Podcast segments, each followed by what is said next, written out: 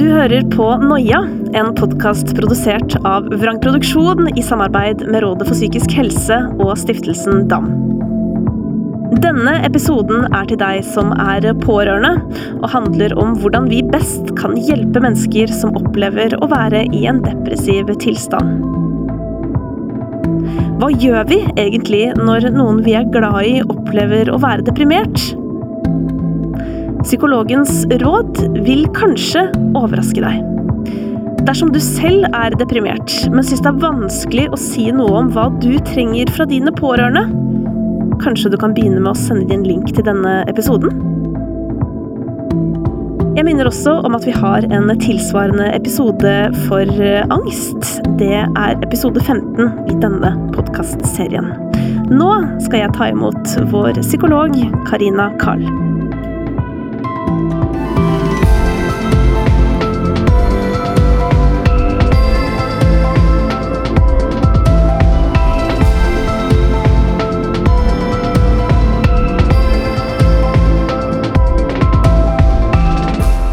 Kan vanskelig å være pårørende til en som er deprimert. Men hva er det man kan gjøre som pårørende? Jeg tenker det aller viktigste er å være et medmenneske. Å møte med åpenhet, utvise tillit, og på en eller annen måte en sånn ikke-dømmende holdning. At uh, det er ingenting du kan si eller gjøre som vil gjøre at jeg er mindre glad i deg, eller at du betyr mindre for meg. Uh, du kan ikke ha det på en måte som forandrer hva du betyr, hvem du er for meg. Så hvis man klarer å formidle det uh, på en eller annen måte, så tenker jeg man har kommet langt. Og det kan være gjennom ord, det kan være i den måten man er til stede, nærværende, lyttende. Først egentlig bare fortell meg hvordan du har det. Mm. Lytte, og gjerne speile. Så det du sier der, at du kjenner på det. Fortell. Fortell meg hvordan dette er for deg. Hvor viktig er det at de pårørende forstår hva en depresjon faktisk er? Det kan være veldig viktig, eh, fordi at både hvis det trengs noe mer eller en annen type hjelp eller tiltak, men også fordi at det er ganske avgjørende hvordan man føler at man blir møtt når man er i en depressiv tilstand. Eh, og hvis man opplever at det er en forståelse, og om det ikke er det, at det faktisk er en villighet til å ønske å forstå, så kan det gi en sånn helt annen ro for den det gjelder, i å føle seg akseptert og tålt. Eh, at man kan ha det sånn at man ikke skal gjøre noe eller stresse. Altså, det må ikke forstås som at man ikke skal gjøre noe, men at man ikke føler det presset. Det tror jeg er ganske avgjørende. Men jeg tenker jo også for den pårørende at, um, at det kan være godt å vite hva som er typiske uh, måter å tenke på for en deprimert, eksempel, sånn at man skjønner hvorfor eventuelle løsningsforslag ikke hjelper. Nettopp. Og også å hjelpe til å korrigere tanker. Og kunne korrigere hvis man ser eller erfarer at den deprimerte, eller den som er i en depressiv tilstand, eh, plutselig endrer liksom fremtoning, altså i betydningen blir trist, eh, man ser eller man opplever en sånn håpløshet eller motløshet, og bare spørre sånn du, hva skjer i deg nå, kan du fortelle, hva, fortelle meg hva som går gjennom hodet ditt? Fordi da kan man hjelpe til å identifisere de negative automatiske tankene, som vi også snakker om i denne podkastserien, um, og hjelpe til å da plassere tankefeilene, hjelpe til å plassere det i forhold til den eh, depressive spiralen som vi snakker om, og hjelpe til eventuelt å, å, å påvirke eller identifisere sånne kjerneskript og leveregler. Mm. Så sånn sett så kan en pårørende være en støttespiller på mange måter. Men spørsmålet er jo, eh, dersom den deprimerte da, eh, tar oppfordringen og forteller hvordan vedkommende har det nå, og da blir møtt med forklaringer om at eh, dette her er en klassisk tankefeil hvor du polariserer og driver med svart-hvitt-tenkning og, og, alt det her, kan det være til hjelp, eller kan det òg bare være veldig irriterende? Det kan være begge deler, selvfølgelig, Ja. og det er derfor jeg tenker at nysgjerrighet er så viktig. Mm. Så man som pårørende først og fremst spør hvordan er dette for deg, Mm. og hva trenger du fra meg? Hvordan kan jeg være til mest mulig hjelp og støtte for deg nå. Mm. Og gjerne be de om å, eller den personen om å konkretisere. Hva vil det si? Hva gjør jeg da? Hva sier jeg da? Og så kan man si for eksempel at hvis jeg nå sier at åh, nå mistenker jeg at du gjorde en tankefeil, eller at du hadde, hadde en, altså en, gikk i en tankefelle, som vi alle kan gjøre, Mm. eller at, eh, at du nå er preget av negative automatiske tanker, stemmer det? Um, og at man da også gjør oppfølgingsspørsmålet hvordan virker det på deg at jeg sier det? Fordi at da kan man også fange enda flere tolkninger, ikke sant? At åh, jeg føler at jeg ikke klarer det, jeg mestrer det ikke, jeg vet, ja, jeg vet at jeg tenker negativt, ikke sant? Og så kan det være en måte å, å, å kunne korrigere igjen, og heller si kan vi, kan vi se på det sammen? Fordi det var ikke min intensjon, men jeg kan forstå at det kan oppleves sånn for deg. Så hvordan kan vi hvordan kan vi finne en løsning på dette sammen nå? Hva trenger du fra meg? Hvordan kan jeg støtte deg? Mm, fordi det som, eh, som kan være vanskelig, er jo det her med at man prøver å være til stede. eh, Og, og på en måte komme med forslag og legge til rette for at den deprimerte skal få det bedre. Men så blir du kanskje bare møtt med sånn ikke noe svar på telefonen. Eh, Den deprimerte gidder ikke å bli med ut på en aktivitet. Altså at man kan føle på at man stanger veldig, da. Mm. Hva, er det noe man da gjør feil som pårørende? Man kan spørre, hvis det hadde vært omvendt, hva hadde du gjort? Hvis det var jeg som hadde hatt det som du har det nå, eller hvis det var jeg som ikke hadde respondert på SMS eller på henvendelser, hva hadde du gjort? Og du kan også spørre, hvis du blir engstelig, og si er det riktig av meg å bli redd? Eh, hvordan vet jeg hvis jeg bør bekymre meg? Og på et eller annet punkt så skal den pårørende også, tenker jeg, ta på alvor hvis man kjenner at det er et for stort ansvar å bære, og vite at det er en som er deprimert, og som kanskje er alene, og man er usikker på hvordan vedkommende egentlig har det, eh, og om det er fare for at vedkommende kan komme til å gjøre skade på seg selv, for eksempel, så tenker jeg så skal man handle på den tvilen på en eller annen måte, eh, først da altså dele med den som er i en depressiv tilstand, hvilke tanker man går med. Og si at jeg blir usikker. Hvis det stemmer, da. Altså Mm. hvis den deprimerte sier ja, eh, hva gjør man da som pårørende, hvis den deprimerte selv ikke er i stand til å søke noe videre hjelp? Så tenker jeg man i første omgang gang må undersøke eh, hvor akutt det er, eh, og da koble på de riktige instansene. Og da finnes det hjelpetelefoner også for den pårørende. Mm. Fastlege skal orienteres, men spørsmålet er om man har så god tid Mm. Eller om det er snakk om mer akutt. Men det å, og da å prøve å få kontakt på en eller annen måte, høre hvilken tilstand vedkommende er i nå, eh, og prøve å få et overblikk over hvor akutt det er, for deretter å vite hva som vil være den riktige handlingen. Man har ikke lyst til å gå over streken som pårørende heller, og hjelpe noen som ikke vil ha hjelp, på en eller annen måte, så det er en vanskelig balanse. Det er veldig vanskelig, og det kan man også formidle. Dette er vanskelig. Jeg har ikke lyst til å gå over grensene dine. Jeg blir usikker. Kan du hjelpe meg? Ehm, hva ville du gjort hvis, i, hvis du var i min situasjon, hvis det var omvendt?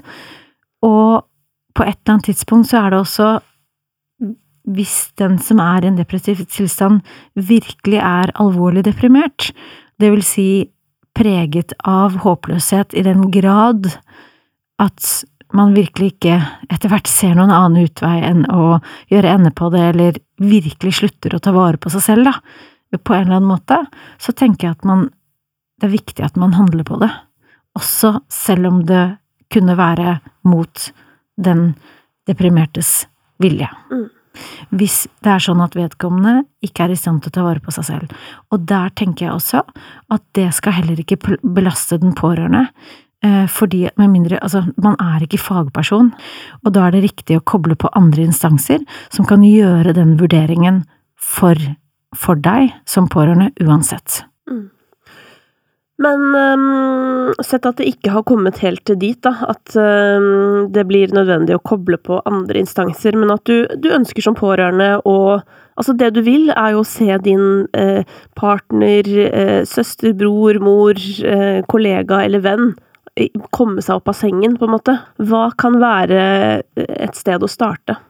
Det kan være eksempelvis å, hvis du kjenner vedkommende godt, noe man da antageligvis gjør hvis man er en nær pårørende, eh, så vet du kanskje også hva den personen normalt liker å gjøre, hva dere kanskje pleier å gjøre sammen. Ta initiativ til å gjøre de tingene. Jeg kommer til deg, vi skal ut og kjøpe kaffe, eller um, gå en tur, eller hva dere pleier å gjøre, eller lage mat, Uh, eller komme til vedkommende og å gjøre ting sammen. Du, nå, nå setter vi i gang en vask, og så rydder vi disse tingene her. Hvis du gjør det, så gjør jeg dette. Gjøre sammen. Gjøre en hyggelig greie ut av det. Um, sånn at Sånn at den som er i en depressiv tilstand også kan oppleve mestring i kraft av å få noen sånne hverdagslige ting gjort, for det kan ofte være et symptom, ikke sant, at man slutter å ta vare på seg selv og, og gjøre de nødvendige hverdagslige tingene, både hjemme, for seg selv, for eksempel, ehm, og oppfordre vedkommende til å gå i dusjen, hvis, er, hvis man er på det nivået, ehm, og eh, få vedkommende med ut i frisk luft. Ehm, det kan være et lite brudd, et eller annet som er litt annerledes, en liten variasjon, som kan være med på å snu ganske mye. Og det kan også da være en anledning til å snakke om andre ting. Fortelle historier, eh, koble på øyeblikket, se noe annet, få noen andre inntrykk, Mm. som gir den som er i en depressiv tilstand, litt pause fra de negative automatiske tankene og alt det som foregår på innsiden. Mm. Fordi det tar jo veldig fokus, og det får lov til å ta fokus når man isolerer seg. Vi har jo snakket litt om eh, forskjellen på for eksempel kjærlighetssorg og depresjon tidligere, men en ting jeg føler de to tingene har til felles, er at det opptar den som er preget av det, så til de grader at det er utrolig vanskelig å komme til Mhm. med å prate om noe annet. Hvordan kan en pårørende i dette tilfellet da sette litt sånn strek, eller si Vet du hva, nå må vi snakke om noe annet. Ja, da tenker jeg man kan jo prøve seg frem og si at nå har jeg lyst til å bringe et, et annet emne, for jeg blir litt usikker på hvordan det virker på deg at vi kun snakker om dette. Og det handler ikke om at Altså, jeg vil gjerne lytte, men jeg tenker at hvordan vil det virke på deg hvis vi også snakket om litt andre ting? At det kanskje ville lette litt, eller gi deg litt andre perspektiver, eh, en liten pause. Hva tenker du om det? Mm. Eller hvis du ikke hadde vært i en depressiv tilstand nå, hva tror du at du ville snakket om? Hva tror du at hadde opptatt deg? Hva tror du at du hadde lagt merke til hvis man er for eksempel ute, da, og går den turen, eller hva tror du at, at du hadde lagt merke til nå, da? Hvor hadde fokuset ditt vært? Mm. Så man kan hjelpe den deprimerte med å flytte fokus, uten at det betyr at jeg orker ikke å høre på deg, men at det finnes andre ting også. Mm. Og du kan lære å styre oppmerksomheten din også. Så du kan både, du kan vekselvis da være mellom det som er eh, den depressive tilstanden, men også flytte fokus til andre ting. Og så, og så går fokuset tilbake igjen på det deprimerte. Det er litt sånn hjernen virker, ikke sant? På de negative tankene og, og så videre. Og så flytter man oppmerksomheten igjen, akkurat som man lærer et lite barn å gå.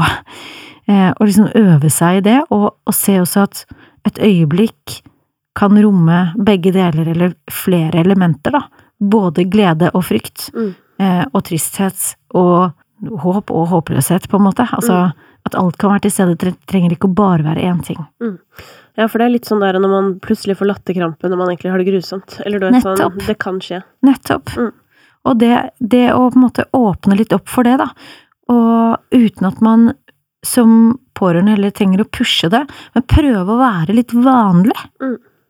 Prøve å være den som kommer inn og på en måte behandler den som er i en depressiv tilstand, ikke med silkehansker eller sånn øh, gjør bjørnetjenester, men du, du, jeg vet hva som bor i deg, jeg.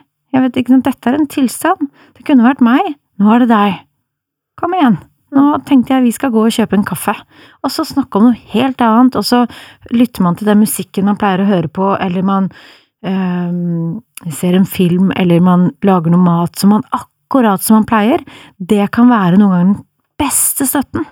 Tenker du at eh, det er lov å stille krav til den deprimerte? Ja, fordi at man da forteller at jeg vet hva som bor i deg, og det gir anledning til mestring. Og er det noe man trenger som når man er i en depressiv tilstand, det er å oppleve, få anledning til å oppleve at man har en verdi, og at man kan noe. Altså at man kan mestre noe, man får til noe, det føles bra. Mm. Så ja, man skal stille krav. Så kommunikasjon og åpenhet. Nysgjerrighet. Legge også ansvaret over på, over på den deprimerte i kraft av at den er ansvarlig for å gjøre det litt tydelig hvordan man kan bistå. Mm. Og man kan også si som, som eh, pårørende at jeg forventer at du deler med meg, og lar meg få lov til å stille opp for deg. Fordi det tror jeg du hadde gjort for meg også. Og du betyr mye for, for meg, og jeg trenger deg i mitt liv. Nå er det deg, en annen gang er det kanskje meg.